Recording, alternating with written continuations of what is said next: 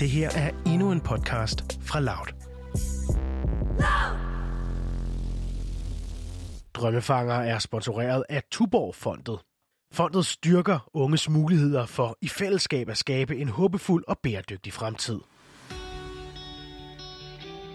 Velkommen til Drømmefanger. Jeg er din vært, Rebecca Gustafsson, og det her er programmet, hvor du kan møde unge iværksættere og ildsjæle.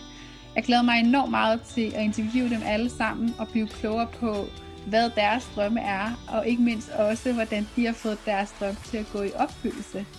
Jeg er sikker på, at deres rejse ikke har været helt uden bump på vejen, og det her er programmet, hvor vi kommer til at tage det hele med. Så jeg håber, du har lyst til at tage et lyt med og blive inspireret til at følge din egen drømme.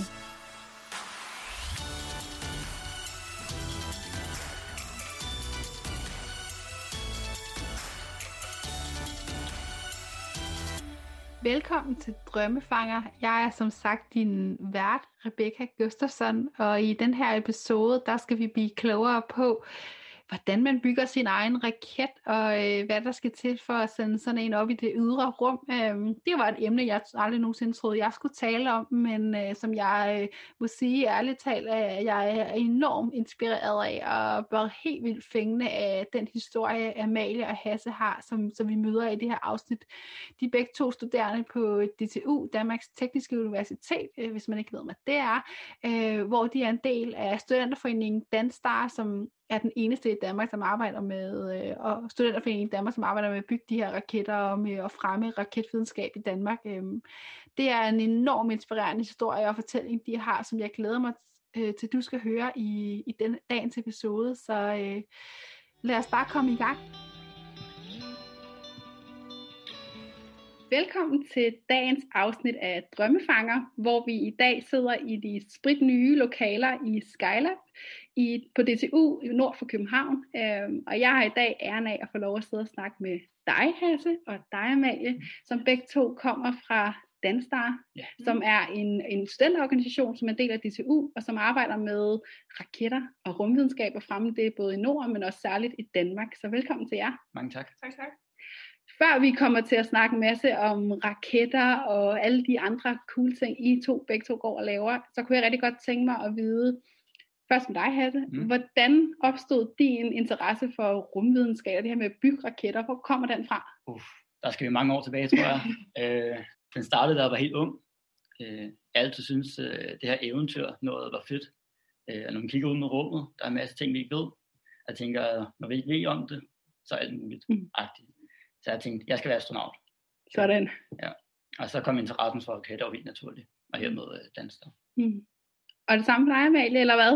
Jamen, det ligger jo ikke langt fra. Øhm, jeg, jeg, jeg brugte et par år i Dubai som helt lille. Okay. Øhm, og øh, i Dubai, der vender månen anderledes end i den, på den nordlige hemisfære. Øhm, og øh, det var øh, utrolig spændende for øh, en øh, 4-5-årig lille pige, at øh, månen kunne se anderledes ud, øh, alt efter hvor i verden hun var. Øhm, så jeg har også altid gerne ville være astronaut. Øhm, I mange år havde jeg en plakat hængende i mit øh, barndomsværelse med, hvordan man kom fra... fra, ja, fra universitetet til, ja, til at blive astronaut, at man ligesom skulle igennem for hvor god form man skulle være i og sådan noget. Mm. Det var hele grunden til, at jeg begyndte at dyrke sport, det var... at du simpelthen skulle ende med at blive astronaut. Ja. Er det stadigvæk en drøm for jer begge to? Fordi nu sidder I jo og bygger raketter i dag. Man kan sige, der er jo, der er jo mange veje til at blive astronaut nu. Altså i gamle dage, gåsøjne, da jeg var helt lille, der var det jo meget sådan en, du skal i militæret, blive jægerpilot, så skal du være en anden form for uh, mechanical engineer, øh, har arbejdet på en boreplatform for eksempel, mm. eller du ved, have en, altså det er jo en meget sådan fastlagt vej, hvor i dag, der altså du kan komme i rummet på mange måder. Mm. Øhm, de har jo endda åbnet for sådan noget rumturisme ja, øh, efterhånden, ikke? så jeg tror, der er mange veje, hvis man bare gerne vil derud. Mm. Hvis man gerne vil ud på, øh, lad os sige, øh, hvad hedder det, rumstationen der og lave forsøg, så, så skal det, kan det godt være, at man skal kunne lidt mere, mm. end bare være turist. øhm, men, men sådan, der er mange former for teknologi, som også bliver, bliver testet mm. på ISS nu. Mm. Jeg så lige, de havde, øh, de havde groet nogle radiser færdigt her for nogle dage siden, så okay. nu bliver sendt tilbage til jorden for at, at blive testet. Hold da op, så ISS er simpelthen den rumstation. Er det den danske rumstation? Den eller internationale. Den internationale rumstation. Ja. Yes, så der kan man simpelthen, der gror de radiser, som kommer ja. retur til Danmark lige om lidt. Ja. Mega fedt. Der er rigtig mange fede forsøg i gang. Mm. Sådan. jeg kunne rigtig godt tænke mig også at blive selvfølgelig klogere på Danstar, og hvad I to går og laver, og hvad jeres forskellige roller er. Øhm, det kan være, Hasse, du vil starte med måske at sætte ord på, fordi du er ret nyt medlem, så vidt jeg ved, i, i Danstar. Ja, jeg har været her lidt over et år, som Mhm. sagt. Ja. Og hvad er Danstar, og hvad betyder det for dig? Øhm, ja, Danstar det er jo en fantastisk mulighed, ikke? især for studerende øh, at få erfaring inden for raketvidenskab. At vi ligesom øh, uddanner folk inden øh, for det her med at bygge raketter som det eneste sted i Danmark, tror jeg. Jeg får studerende. For studerende i hvert fald. Ikke? Mm. Så det er en kæmpe mulighed. Øhm, og nu er jeg så heldig, at jeg er blevet øh, valgt til formand for foreningen. Hold da op. Mhm. Tillykke. Så øh, det er kæmpe stort for mig jo, især når Mhm. jeg kun har været et år. Øhm, så øh, det er bare sindssygt raketter, ikke? Mm. kan man sige. Ja, og også, altså, som du sagde, den her organisation er meget ung. I startede tilbage i 2016, og allerede for et, det er nu et par måneder siden, der øh, har I skudt jeres første raket afsted, Mhm. som er den første, så vidt jeg har styr på, øh, by Liquid raket, der er sendt afsted øh, af en studenterforening i hele Europa, hvis jeg ikke tager helt fejl. Ja. Øhm, Amalie, kan du måske fortælle lidt mere om, hvad er en by Liquid raket for det første, og, og hvordan bygger man sådan en? Åh, ja, Det skal bare lidt om processen, og lidt derhen, der kan godt forestille mig, Jamen, det gør man bare lige. Ja, det er sådan noget, man gør på en dag.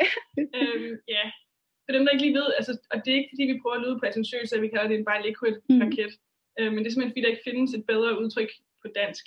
Øhm, så det er nemmere bare at kalde det det, det er, at det er en, en bare liquid. Og det, det knytter sig til, øh, til det brændstof, man bruger, øhm, og man kan sige, at der er ligesom tre slags øh, raketbrændstof, eller raketmotor. Øhm, den mest simple form kan man sammenligne lidt med sådan en, en nytårsraket. Der sidder sådan en fast klods øh, krudt indeni, øhm, og så har du sådan en lunde, du ligesom tænder, og så sker der noget, ikke? Flot farve på nattehimlen, Sådan. men det er, også, det er også nogenlunde det. Så er der det næste skridt, som så er en øh, hybrid, Mm. øh, som er noget fast stof og en væske.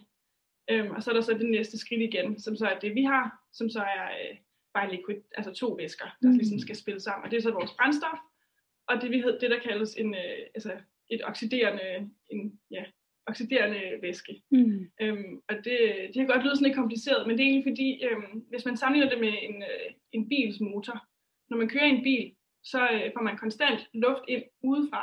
Mm. Øhm, og i luften er der selvfølgelig oxygen, som. Yes. vi skal bruge til enhver forbrænding. Og vi har jo også en forbrænding i raketten, øhm, men vi kommer ikke til at få luft ind i raketten, mens vi flyver. Nej. Så alt det oxygen, vi skal bruge til forbrændingen, skal vi ligesom have med øh, fra start af. Og det er derfor, man både har sit brændstof og sin, øh, sin oxidizer. Øh, Ja, og den her raket skulle, så vidt jeg ved, er det cirka 2,5 km, den skulle flyve op i luften, Den- eller den- øh, den hvor langt fløj den? Den fløj lige præcis øh, ja, næsten 2,5 km. Den fløj 2,2 km op. Hold da op. Øhm, det, den øh, kategori, vi deltog i, øh, hed 9 km, 30.000 fod. Øhm, fordi det kom fra nogle amerikanske regler, Yes. så der regner vi nogle mærkelige øhm, men øh, vi vidste godt, at vi nok ikke kom helt op og ramme de 9 km.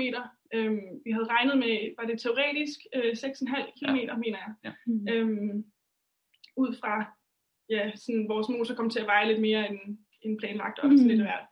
Øhm, og så havde vi så ikke en fuld tank heller. Øh, så det endte med, med 2,2 km. Men, men næste gang, der går vi jo efter de 9. Øhm, De 9,5. de 9,5, ja. Og Simpelthen. Og verdensrekorden. Og hvad er verdensrekorden, du siger? Verdensrekorden. Altså, vi er faktisk kun 2 km fra lige nu. Hold da op. Så den er kun lige omkring 4-5 km. Og så kan I simpelthen kan vi skrive, at øh, Danmark har en verdensrekord i at flyve med bare raketter. Ja. Vanvittigt. Det synes jeg er en fed ting at have med her. Den er, Vi synes, det er ret vildt, det der med, at vi, øh, altså selvfølgelig nu har vi også været i gang i nogle år med, Mm. mm. med Dragonfly-projektet her, ikke? Øhm, men det her med, at vi i 2020 øh, bare har haft en masse sådan firsts, det er den første europæiske konkurrence, det er vores første raket nogensinde, det er den første by liquid raket. Vi går fra en masse firsts på et år, hmm. til næste år bare efter verdensrekorden, ikke? Altså Mm. det, det lyder Ja, ja, det er som et kæmpe spring, ikke? Ja. Øhm, men, det er ikke, men det er jo ikke urealistisk Nej. for os. Nej. Hvordan øh, føltes det, da I første gang skød den raket afsted? Fordi jeg har jo set en video, og jeg kunne se, Mm. der var både, du ved, var tårer, der var jubel, og der var alt det andet, som man, man jo går nu. Jeg tidligere selv har dyrket elitesport, og jeg ved også, hvordan den der følelse af, når man vinder noget, man har kæmpet rigtig, rigtig lang tid for at sådan lykkes, og jeg kunne forestille mig, det var lidt samme følelse. Hvordan var det for dig, Hasse? altså, det er jo, det er ubeskriveligt, kan man Mm. sige. Især fordi øh, første forsøg, der lykkedes det ikke. Mm. Øh, og andet forsøg lykkedes det så. Mm. Øh, og nede i Portugal er det endelig sådan, at øh, vi har vores øh, launch area, Mm. og så har vi Mission Control måske 300 meter derfra, og så 500 meter længere tilbage er det ligesom øh, publikum og andre hold. Øhm, så mig og Amalie, vi står nede ved vores hold, Mm. fordi vi ikke er mission critical uh, up to launch, desværre. Ja. øh, og vi hører med over walkie-talkien der, og vi har sådan en procedure, vi går igennem, Mm. mm. øh, tankingsprocedure, vi sidder, uh, nu er de så langt, og nu er der kun 20 minutter tilbage, ikke? og vi sidder Ja. der og bliver helt hyped, og så tæller de ned, 10, 9, 8, og så videre, Mm. og så kan vi bare se, at den ikke tænder, Nej. og vi står Ja. bare alle sammen, og det, det var en følelsesmæssig øh, rollercoaster, altså, Ja. det var ubeskriveligt, Mm. mm. tårerne kom frem, ikke? og folk Ja, blev sure og selvfølgelig. frustrerede, og Ja. vi har jo normalt kun et launch window, Mm. fordi vi kører på sådan en tight. øh, Ja, og det er fire års arbejde, der kulminerer i præcis, det og vi øjeblik. er alle sammen bare sådan, shit, alt det her, nu tager vi hjem. Vi Ja. kommer Ja. ned for ingenting. Mega nederen. Øh, og vi alle sammen løber op i mission control til de Mm. andre og siger, hvad gør vi? Shit, ikke? Ja, det er en stor udfordring, I har mødt der. Præcis, præcis. Mm. Det var Ja. mega stort. Vi får løst problemer. Øh, der kommer en eller anden stort, højt rangeret gut fra Air Force og siger, I launcher bare, når I er klar. Det der launch window, det er lige meget. Vi skal Okay. bare se jeres raket. Det er bare op. Ja. Så vi skynder os tilbage og hører med over radioen de forskellige procedurer, vi kører igennem igen. Mm. Mm. Og jeg tror, øh, stor credit til tankningscrew, fordi øh, Ja. jeg tror, I lavede en rekord i, hvor hurtigt de kan tanke. øh, og så tæller den ned, og vi står der og er spændte, Mm. og så bliver den skudt afsted. Mm. Og det var altså, Ja, tårerne øh, trillede ned af kinderne på folk. Ja, det forstår og, man godt. Ja. Glædesråb, ikke? Og ja. vi skulle op og have en, øh, en lille øl, og Mm. vi fejrede det og sådan noget. og Hele Ja. landsbyen, der var kommet op for at se, det stod bare klappet af os. ja. Vi var superstjerner dernede. Ja, var men det jo det. fuldstændig, øh, Men også sindssygt. bare for jer selv, det her med at vide, at, at noget man, altså den her podcast omhandler jo drømme, og det her med særligt unge mennesker, Mm. hvilket jo begge to er, at have, at have drømme og ture, gå efter dem, og så lige pludselig stå i en situation, hvor man faktisk ikke tænker, ens drøm bliver til virkelighed et øjeblik, og tænker, nu det hele, alt de fire års arbejde er bare, du ved, det er bare væk, det er bare forsvundet mellem mine fingre, og lige pludselig kan jeg ikke gøre noget, og, og vi står her en masse mennesker, og så alligevel så bliver det til noget, og så står I med, altså som den første i Europas studenterforening, der simpelthen skyder deres egen bare liquid raket afsted, det er jo Mm. helt vanvittigt. Ja. Øh, mega kado til det. Jeg kunne rigtig godt tænke mig også at vide noget mere om selve Danstar, fordi I er jo ret mange mennesker, der står bagved, og hvad er det for nogle forskellige, hvad for nogle forskellige ting, kan man lave i Danstar? Der ved der er både noget marketing og noget computer, der er snakket om at tanke, altså selve, mm. Hvad er, hvad, sige, hvad tanken skal fyldes med, hvad er benzin, hvad kan man lave i Danstar? Jamen altså, men øh, er der en, en skill, man, man synes kunne være nice at udvikle på, så, øh, så siger vi generelt set, at så kan du blive bedre til det i Danstar. Fordi Simpelthen. der, der er simpelthen ikke noget, vi ikke, altså der er ikke nogen evner eller sådan, ja, skills, vi ikke har brug for. Øhm, altså bare, altså man kan sige, vi er jo et, vi er et teknisk universitet, vi, Mm. vi bliver alle sammen ingeniører, men vi har stadig brug for folk, vi har stadig brug for et marketingteam, vi har brug for folk, der, der fundraiser, vi har brug for folk, der er glade for at tage ud og snakke om, hvad vi laver, og har lyst til at formidle det videre. Vi har brug for folk, der, øh, der har lyst til at inspirere øh, de kommende generationer, øh, små piger og små drenge, til Mm. at, øh, at bygge raketter, og til at se, at, at Danmark kan også godt øh, være med på, altså, ja, øh, Et højt plan. ja, Ja, det er internationalt plan, når, når det kommer til, til rumforskning. Ikke? Mm. Undskyld, at det, at det er ikke noget, der sådan, har været så stort i Danmark indtil nu, selve sådan launch-delen Mhm. af, sådan, af rocket science. Mm. Øhm, vi har lidt med, med satellitter at gøre, vi har jo også det to space. Øhm, men selve, altså det her med at sende ting ud, Mm. har vi ikke gjort så meget af Nej. i Danmark endnu, og det vil vi gerne være med til at ændre. Mm. Øh, der er selvfølgelig allerede Copenhagen Suborbitals, Mm. lige ude på Refshaløen, som, øh, som har en ambition om at sende øh, en mand i, i rummet, Mm. okay. simpelthen, ja, Ja. Øh, på, altså de, og de er alle sammen øh, også frivillige. Mm. Øh, vi sådan joker lidt med, at de er vores store bror, så det er lige øh, lidt større Ja. skala, end det laver, ikke? Men, men øh, hvad hedder det? Så, så det er ligesom alt, hvad der er af sådan launch-aktiviteter Mm. i Danmark sådan på, på større plan, ikke? Ja. Er det også en drøm for jer at sende en mand eller kvinde i rummet? Helt sikkert. Jamen, Eller ikke, ikke i Danstar, vel, men Nej. os selv. På senere hen, skal I senere hen Ja, begge to i De år? fleste af dem, der er i dans, der øh, har nogenlunde samme øh, sådan, altså fortælling, som vi havde i starten. Ja. Sådan, "Nå, men vi var helt små, og så så vi rummet, og der ville vi Ja, ja. gerne ud. Og, Ja, ja. Men det er jo også, altså, nu jeg selv også, synes jeg også, det er enormt fascinerende, og det er jo også sådan en, en ret uhåndgribelig størrelse, man ikke rigtig på en eller anden måde kan sætte ord på. Og det er noget, øh, hvis man jo er nysgerrig, som, som mange og børn jo også er, så er det jo også noget sådan, hvad er det? Hvad, hvad gør man det? Og hvad, altså, du kan jo ikke rigtig komme i din boks. Der er jo ikke noget sådan fælles på det, og jeg kan godt forstå den der fuldstændig fascination af, og lysten til bare at komme ud og opleve og se, hvad er der faktisk udforske Ja. Altså det må være en, jeg har aldrig selv prøvet før at være ude i rummet jo selvfølgelig, men uh, det må være en ret vild oplevelse at, at komme igennem, så det kan jeg da godt forstå, at I begge to meget gerne vil.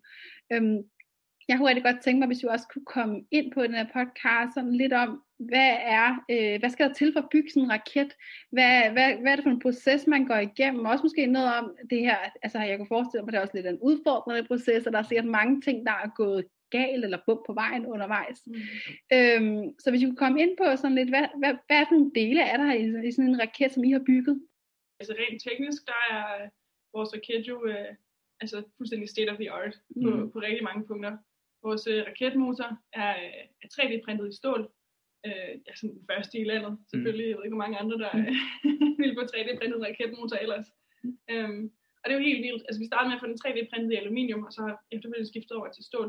Mm. Øhm, og det, øh, det er så Teknologisk Institut, der har, der har 3D-printet det for os.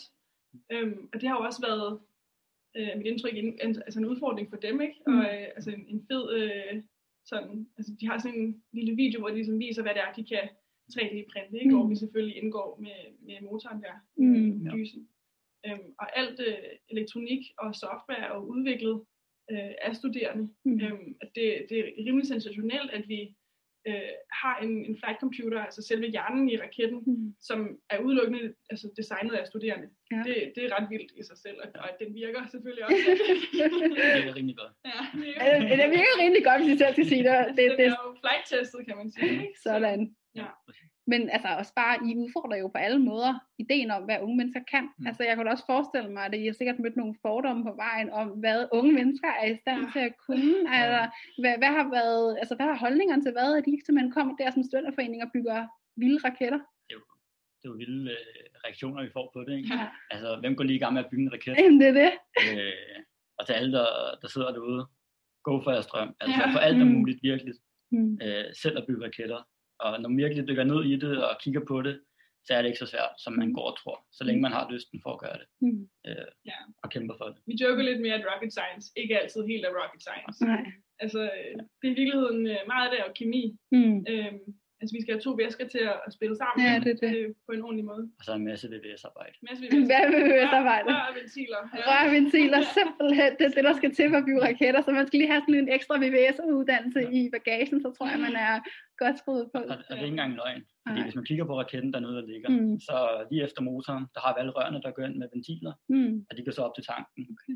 Øh, og så har vi så en øh, flight computer, der ligesom styrer, hvornår de her ventiler skal åbnes og lukkes. Mm.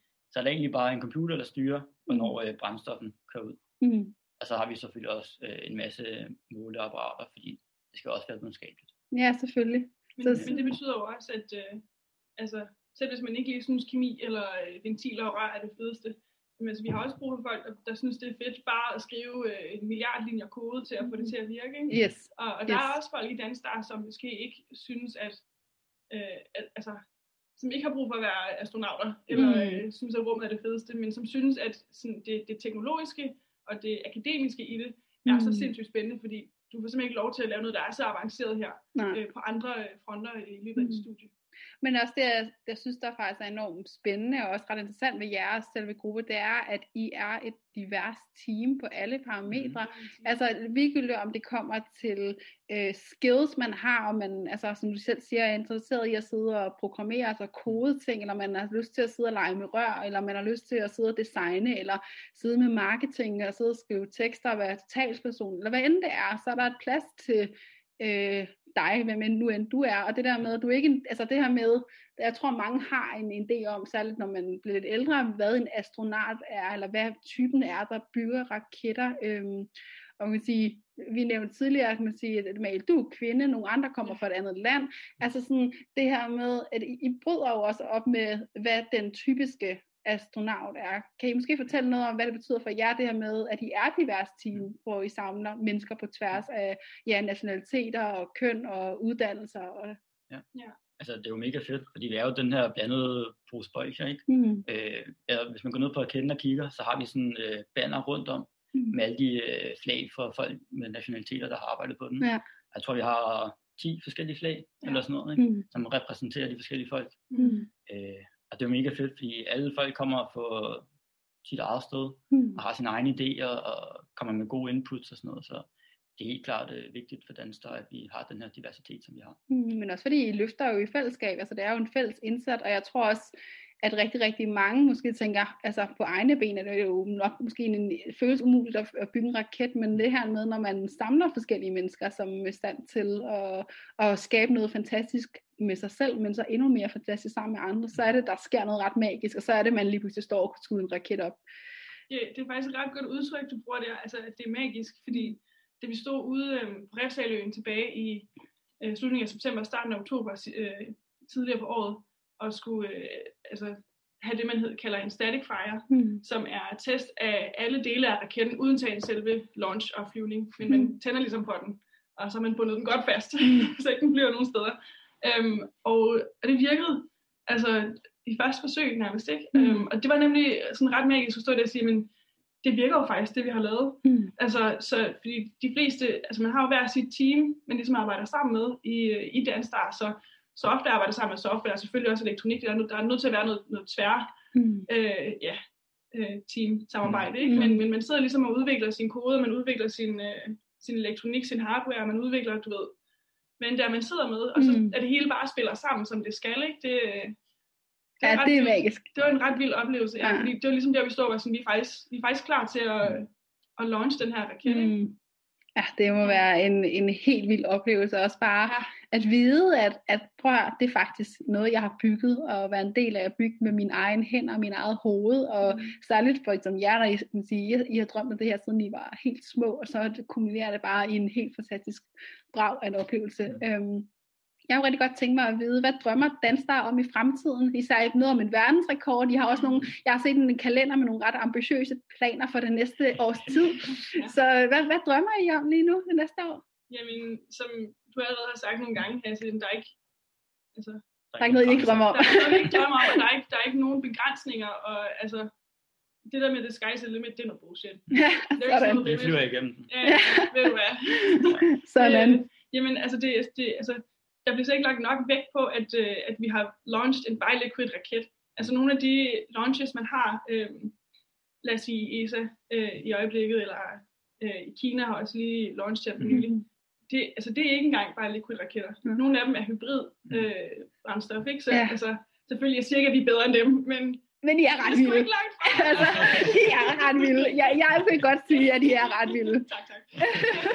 det synes vi nemlig også, og vi, altså, det, vi har vist, at, øh, at det her, øh, altså uanset hvor altså, avanceret det har været, Mm. mm. hvor mange bump på vejen der har været, og vi har haft en, en, en demonstrationsmotor, der stod af på vejen, og vi måtte ja. øh, på, på få uger øh, få bygget en ny for at kunne holde vores øh, testplan øh, sådan Mm. oppe. Og med Øhm, corona og, og med corona, og Ja, altså, så- jeg, jeg kender sgu ikke mange, øh, undskyld øh, udtrykket, Nej. jeg kender ikke mange øh, man kan sige, studenterhold, der har holdt motivationen og arbejdsmoralen oppe i lige så høj grad, Mm. som, som Danstar har her, mens alt er lukket ned. Ja. Øhm, altså, det var en masse contingency plans, og Ja. ja. du ved, vi må pludselig til at finde ud af, hvor, hvor skal vi bygge den her raket, fordi altså, vi skal stadig blive færdige. Vi, havde også et, vi havde et urealistisk håb om, at vi stadig kom til USA tilbage i juni måned, mm. øh, Mm. hvor vi, vores første plan var om at, at fyre raketten af. Ikke? Det kom vi selvfølgelig ikke. Det blev aflyst ligesom alt andet.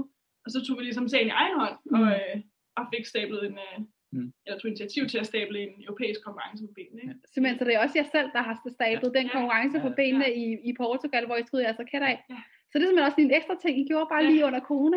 Simpelthen. Det var vores øh, gamle formand Rasmus, Ja. øh, der skrev et brev til Jan Møner, Mm. mm. ISAs gamle Generalsekretær. Ja. Mm. Øh, Jeg tror ikke, han er det mere. Mm. Men han var i hvert fald på det daværende tidspunkt. Og sagde, øh, hey, der er aflyst. Kunne det ikke være fedt med en øh, europæisk konkurrence Ja. for raketter? Mm. Og øh, han sendte teten videre til Portugal Space, Mm. og så gik det ligesom bare derfra. Så gik det så fik I simpelthen stablet jeres egen øh, konkurrence.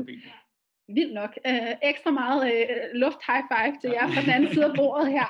Jeg kunne også rigtig godt tænke mig at vide noget mere om, hvis der er nogle andre, der sidder derude af unge mennesker, som godt kunne tænke sig at måske enten at vide mere om, hvordan man bygger raketter, eller godt kunne tænke at blive en del af jeres fællesskab. Hvordan kan man det? Altså, der er jo mange måder øh, at, øh, at være en del af det her øh, raketbyggerfællesskab. Mm. Øhm, nu, øh, nu er Danmark godt nok stadig lukket ned, og hvilket er rigtig træls. Men øh, hvis man sidder derude og for eksempel går i gymnasiet eller i folkeskolen, øh, så vil vi opfordre øh, folk, eller de elever til at, til at kontakte deres øh, skoleledelse og simpelthen øh, hive fat i os. Øh, vi vil rigtig gerne øh, ud og fortælle om, øh, hvordan vi nået hertil. Øh, fordi for os er det jo bare at få lov at prale endnu mere af, hvad, hvad Det er vi har opnået. Og vi, vi vil altid gerne snakke om raketter. Mm. Øh, vi har også haft besøg nogle gange af nogle gymnasieklasser, inden alting lå vi ned og blev træls selvfølgelig.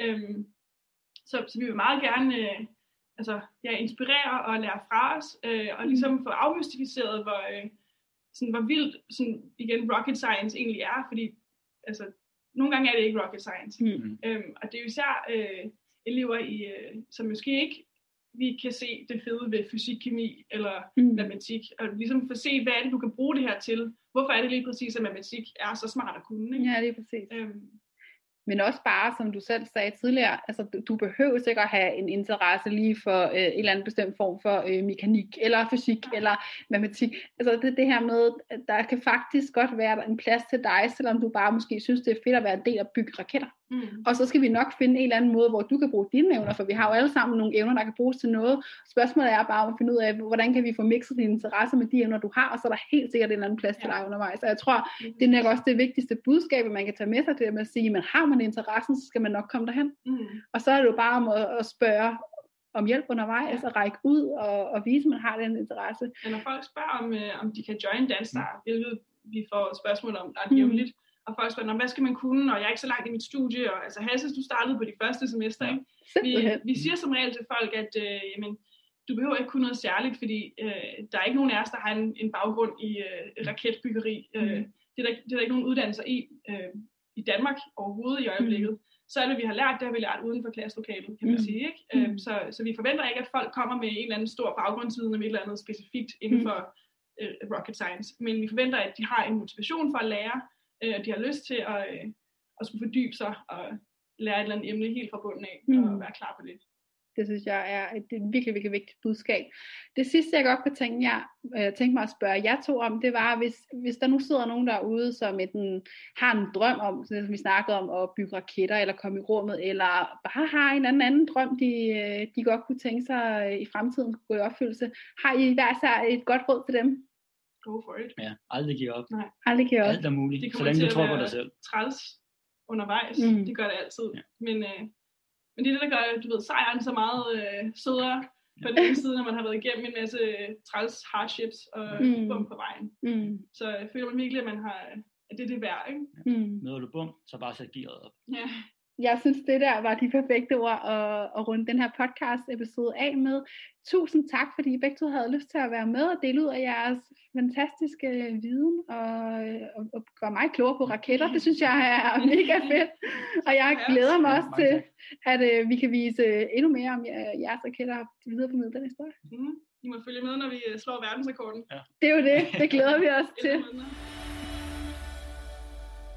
Jeg er helt sikker på, at jeg ikke er den eneste derude, der er blevet inspireret til at bygge min egen raket, eller øh, blive klogere på, hvordan jeg kan komme op i det ydre rum. Øh, jeg synes simpelthen, det er så fedt, øh, det er, ja, de har gang i i Danstar, og jeg synes, det er et enormt vigtigt øh, budskab, og en sag, de arbejder for, for særligt for unge mennesker øh, her i Danmark. Det, øh, det kan jeg kun øh, lægge mig ned fladt for. Det synes jeg simpelthen er super, super fedt. Øh, jeg håber, at du selv er blevet inspireret af, af dagens episode til at følge din egen drømme, og til at, ja, og, at række ud, hvis, der, øh, hvis du har nogle spørgsmål, eller til, at, hvis der er noget, du godt kunne tænke dig at blive klogere på. Øh, Jeg er helt sikker på, at, øh, at Malia og Hasse vil sidde klar til at svare på dine spørgsmål. Og så vil jeg bare sige tusind tak, fordi du lytter med, og så vil vi tales ved i den næste episode af Drømmefanger.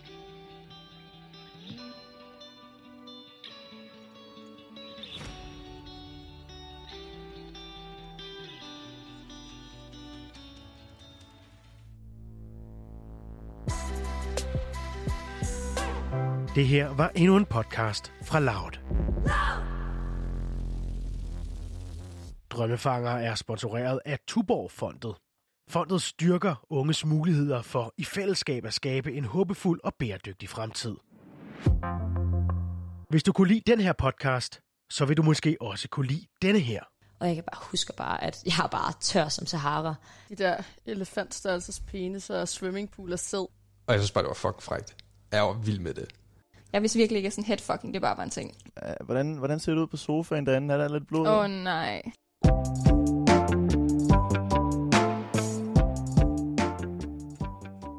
Hej, jeg hedder Alma. Og jeg hedder Amalie. Og vi har lavet en podcast om sex, da vi synes, det er et emne, vi har brug for at tale mere om og bare afmystificere.